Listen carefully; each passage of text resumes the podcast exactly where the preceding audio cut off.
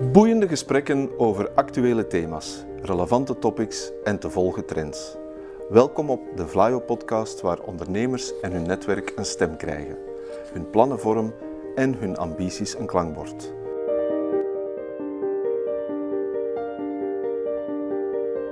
To the point waar het kan, dieper gravend waar het moet. Inspirerend, informerend, ondersteunend.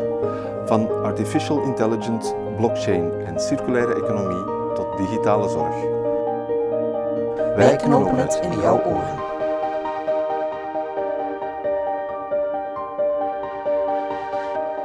Dag beste luisteraar, mijn naam is Mariceline Tersago, communicatiemedewerker bij Vlaio Team Bedrijfstrajecten. En in mijn allereerste podcast mag ik bedrijfsadviseur Kim Smets verwelkomen. We gaan het vandaag met haar hebben over projecten en organisaties met een maatschappelijke insteek, met bijzondere aandacht voor zorgorganisaties. Welke steunmogelijkheden bestaan er voor hen en hoe kunnen zij zich verduurzamen door af en toe wat meer economisch te denken? Maar laten we beginnen bij Kim.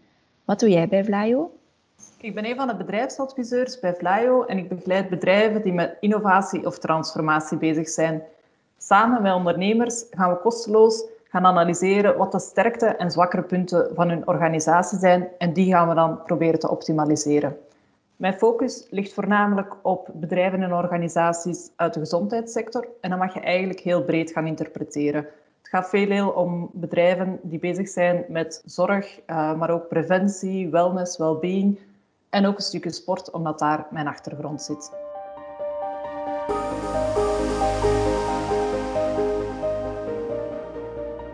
Tijdens deze podcast gaan we het dus hebben over steunmogelijkheden voor organisaties die een maatschappelijke focus hebben. Wanneer heeft een bedrijf of organisatie een maatschappelijke meerwaarde? Hoe kan je dat definiëren? Ja, dat is meteen een moeilijke vraag, want dat kan natuurlijk heel breed gaan. De focus kan liggen op milieu, ecologie, tewerkstelling van bepaalde profielen, migratie, organisaties die een invloed hebben op de levenskwaliteit, zoals zorgorganisaties. Eigenlijk kan dat duizend en één verschillende vormen aannemen. Vooral over die laatste groep zullen we het dus hebben, de zorgorganisaties en projecten met een link naar zorg en gezondheid. Ja, inderdaad. En de voorbeelden die ik ga aanhalen zullen vooral toegespitst zijn op de zorg. Dat is ook omdat daar mijn specialisatie zit en dat ik daar ook de meeste voorbeelden voor handen heb. Maar ik denk dat heel wat van die informatie zeker ook bruikbaar zal zijn voor andere sectoren en andere organisaties met een maatschappelijke insteek.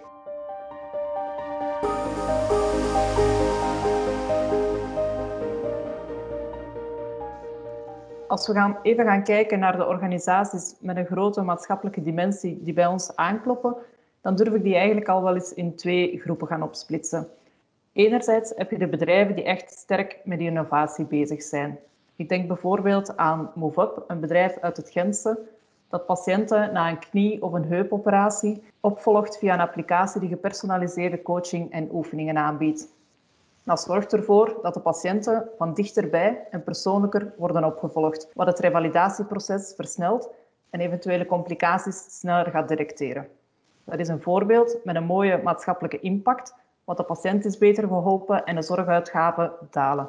Maar dat is ook een project dat in aanmerking komt voor het steunaanbod van Vlaio. In dit geval hebben zij een ontwikkelingsproject gesubsidieerd gekregen omdat het voldoet aan de vereisten van een innovatief project. Daarnaast hebben we ook een groep van bedrijven organisaties, veelal VZW's, die geen innovatieve insteek hebben en die ook geen economische valorisatie kunnen aantonen. Met die economische valorisatie bedoel ik dan extra tewerkstelling creëren of investeringen voor Vlaanderen.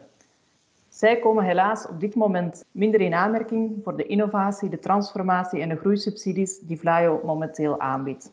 Maar we kunnen nu al wel meegeven dat dat gaat veranderen in de toekomst. Maar een voorbeeld daarvan is bijvoorbeeld een arts die een VZW had opgericht om kankertherapie bij kinderen bevattelijk uit te leggen, aan de hand van onder andere een leuke website en verhaalfiguren. Ze wilde nu ook een game gaan ontwikkelen en zocht daarvoor financiële steun en kwam zo bij ons terecht. Op zich een bijzonder waardevol project, want als kinderen beter begrijpen wat ze gaan meemaken tijdens zo'n therapie, dan zijn ze minder angstig en gaan ze de therapie ook beter opvolgen. En zo'n therapietrouwheid heeft dan weer een belangrijk effect op de effectiviteit van de behandeling. Dus een heel mooi project, maar in dit verhaal zit eigenlijk niet echt innovatie en ook geen businessmodel. Het steunkader van Vlaio is dus op dit moment nog niet altijd beschikbaar voor zulke organisaties.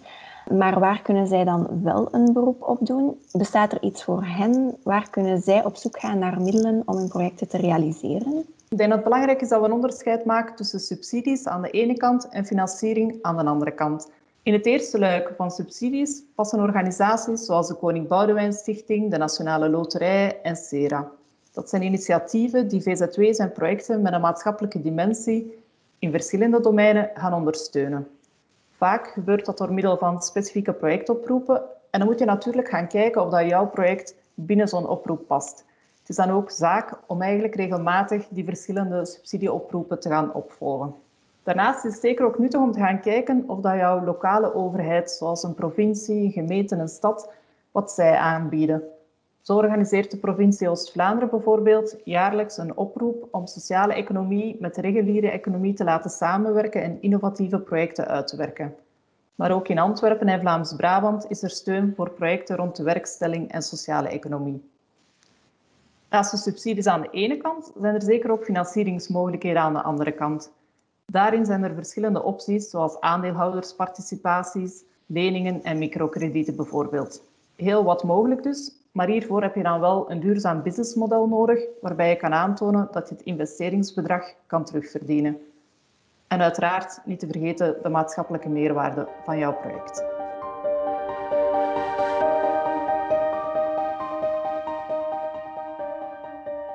Kan me inbeelden dat dit voor sommigen echt een doolhof is. Zoals je aangeeft zijn er verschillende financieringsmogelijkheden. Hoe begin je aan die zoektocht?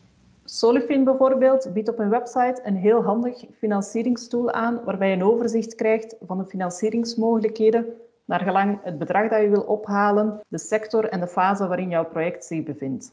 Solifin verenigt eigenlijk een brede groep van spelers, zoals banken, kredietinstellingen, fondsen, stichtingen en crowdplatforms. Je vindt er initiatieven zoals Trivident, SI Triodos Bank en vele andere mogelijkheden in België. Naast de financiering stappen sommige van die initiatieven ook mee in het bestuur om eigenlijk op die manier het impactverhaal echt mee te kunnen verdedigen. Je spreekt van crowdplatforms. Kan crowdfunding dan ook een bron van financiering zijn? Absoluut. Weet wel dat er verschillende types van crowdfunding zijn. Je hebt enerzijds financiële crowdfunding, dat zijn de leningen, de participatie in de aandelen. En anderzijds heb je de niet-financiële crowdfunding, dat dan werkt op basis van donatie bijvoorbeeld. En afhankelijk van het type van project moet je bekijken welke vorm van crowdfunding het meest geschikt is en welk platform je daarvoor best kan gebruiken. Op de website van Vlaio staat eigenlijk een heel mooi overzicht van al die verschillende crowdfunding platformen en initiatieven.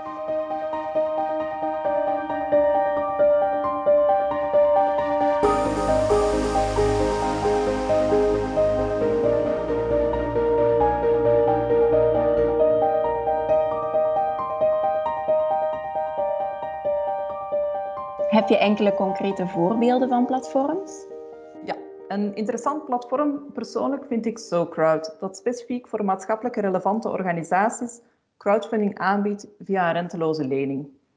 Als een organisatie een bepaald bedrag kan ophalen via crowdfunding, bijvoorbeeld 10.000 euro, dan gaat SoCrowd dat bedrag vermenigvuldigen maal 3. Dat bedrag kan je dan aflossen, gespreid over een aantal jaren via een renteloze lening. Op hun website vind je zo bijvoorbeeld het voorbeeld van een wijkgezondheidscentrum dat met succes via SoCrowd geld heeft opgehaald om een dienstverlening en infrastructuur uit te breiden en zo medische zorg toegankelijker te maken voor kwetsbare doelgroepen. Maar daarnaast heb je ook een Lita.co dat zich eveneens richt tot bedrijven die een sterke maatschappelijke impact beogen via een systeem van aandelen en obligaties. En Ulele bijvoorbeeld is dan weer een platform dat via donatie werkt.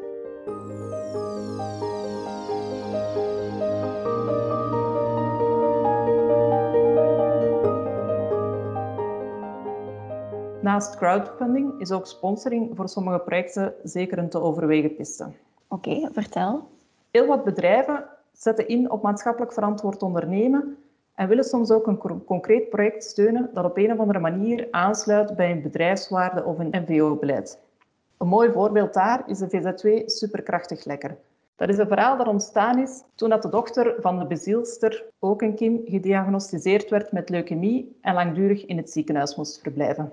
Door de zware kankerbehandelingen merkte Kim op dat het niet evident was om haar dochter te laten eten. Nochtans is het wel belangrijk dat kinderen voldoende voedingsstoffen kunnen opnemen, zodanig dat ze sterk genoeg zijn om die therapie aan te kunnen en dat ze ook geen grote groeiachterstand oplopen.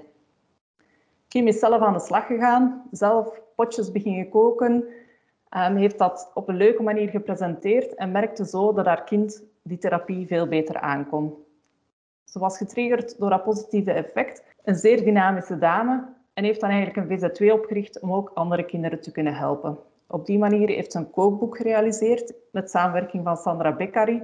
Heeft ze de Week van de Smaak georganiseerd, waarbij dat topchefs naar het ziekenhuis kwamen om voor de kinderen te koken. En heeft ze een project gerealiseerd waarbij dat er eigenlijk in het UZ Gent een keuken is gebouwd, zodanig dat andere ouders zelf aan de slag kunnen om te koken voor hun kinderen. Dat is een fantastisch mooi project, waar dat geen verdienmodel achter zit, niet innovatief aan zich is, maar dat wel kon gerealiseerd worden dankzij sponsoring. Dat is inderdaad een mooi initiatief. Zulke zaken zoals sponsoring, financiering, subsidies, die geven echter vaak maar een eenmalige injectie om een project of product te realiseren. Maar wat daarna? Hoe kan je project eigenlijk duurzaam blijven? Organisaties die mogen niet te afhankelijk worden van subsidies. Ja, inderdaad. En ik denk sommigen staren zich wat blind op subsidies. En daar heb ik het soms moeilijk mee. Want dat is namelijk weinig duurzaam. Als je bijvoorbeeld subsidies aanvraagt en krijgt om een project te realiseren, ja, dan moet je ook nadenken over wat dat de volgende stappen gaan zijn. Sommige producten hebben nu eenmaal een opfrissing of een herontwerp nodig. Webplatformen moeten onderhouden worden. Dus ook over die kosten in de toekomst ga je eigenlijk al op voorhand moeten gaan nadenken. Als je alleen maar afhankelijk bent van subsidies, ja, dan dreigt je project op een bepaald moment verloren te gaan, maar ook het subsidiegeld is dan niet goed ingezet. Dus het is sowieso zinvol om bij de start van jouw project ook na te denken over een duurzaam businessmodel. Stel jezelf de vraag, wie gaat er betalen voor het product of de dienst dat ik ga aanbieden? En soms is dat niet altijd de eindgebruiker, zeker in de zorg. Dus wie gaat dat dan wel gaan doen? Uh, mogelijk verzamel je wel bepaalde relevante data die voor een derde partij interessant kan zijn. In de zorgsector kan dat bijvoorbeeld een zorgverzekering zijn. In sommige gevallen helpt het ook al eens om goed na te denken over je kostenstructuur. Welke kosten heb ik en hoe kan ik die gaan opvangen? Zo sprak ik eigenlijk ooit met een VZ2 die workshops wilde aanbieden om mensen na langdurige ziekte terug op de arbeidsmarkt te krijgen. Hun vraag aanvankelijk was of Flyo dit kon subsidiëren. Dat was geen evidente vraag, want dat konden we namelijk niet.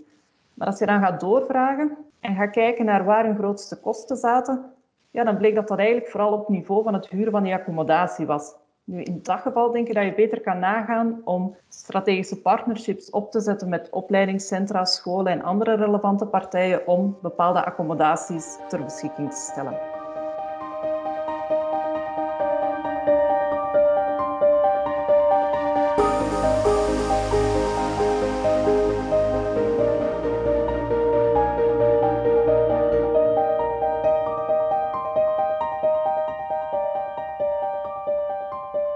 Bekijken van uw kostenstructuur, dat lijkt me geen evidente oefening. Zijn er organisaties die daarbij kunnen helpen?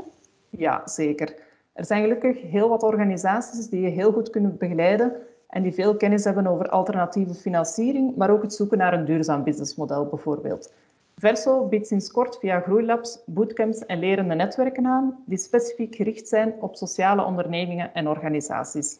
In de bootcamps ga je aan de slag met je eigen case en kan je eigenlijk op die manier je project en vaardigheden naar een hoger niveau tillen via een aantal sessies onder begeleiding van experten en andere collega's uit sociale ondernemingen. In de lerende netwerken ligt de focus dan iets meer op het bewerkstelligen van een innovatieve arbeidsorganisatie. Je hebt zeker ook de sociale innovatiefabriek, die begeleiding, inspiratiesessies en heel wat cases aanbieden. En ook Start Soon biedt sinds kort een tweedelig traject aan starters van sociale ondernemingen aan, die hun idee willen vertalen in een concreet en realistisch ondernemingsplan. En ongetwijfeld vergeet ik dan ook dingen te vermelden, waarvoor excuses. Maar je kan ook zelf aan de slag gaan, bijvoorbeeld met de Business Model Kit van Board of Innovation. Dat is een tool die je helpt om je stakeholders in kaart te brengen. Welke relaties heb je met welke partijen en welke transacties zijn daar mogelijk? En dat hoeft ook niet altijd om geld te gaan. En tot slot wil ik ook nog de Value-Based Healthcare Tool van de POM West-Vlaanderen vermelden, waarbij dat eigenlijk een methodiek is uitgewerkt zodanig dat de profit en de non-profit beter kunnen samenwerken om zorginnovaties te realiseren. Oké, ik denk dat we zo aan een mooi lijstje zijn gekomen met tips voor ambitieuze en sociale ondernemingen. Bedankt Kim om dit voor ons uit de doeken te doen. Hopelijk helpt deze podcast hen op weg uh, bij hun zoektocht naar financiering en subsidies. Maar we hopen uiteraard vooral dat dit gesprek hen aanmoedigt om verder te kijken en na te denken over een duurzaam businessmodel. Inderdaad, en organisaties die nog met vragen zitten, kunnen ons uiteraard contacteren. Vanuit Flyo bieden we graag een kritisch klankbord aan en denken we mee na over de mogelijke stappen die iemand kan zetten of welke partijen het best geplaatst zijn om je daarbij te helpen. Oké, bedankt en nog een fijne dag verder. Dankjewel Marie-Céline. Tot de volgende.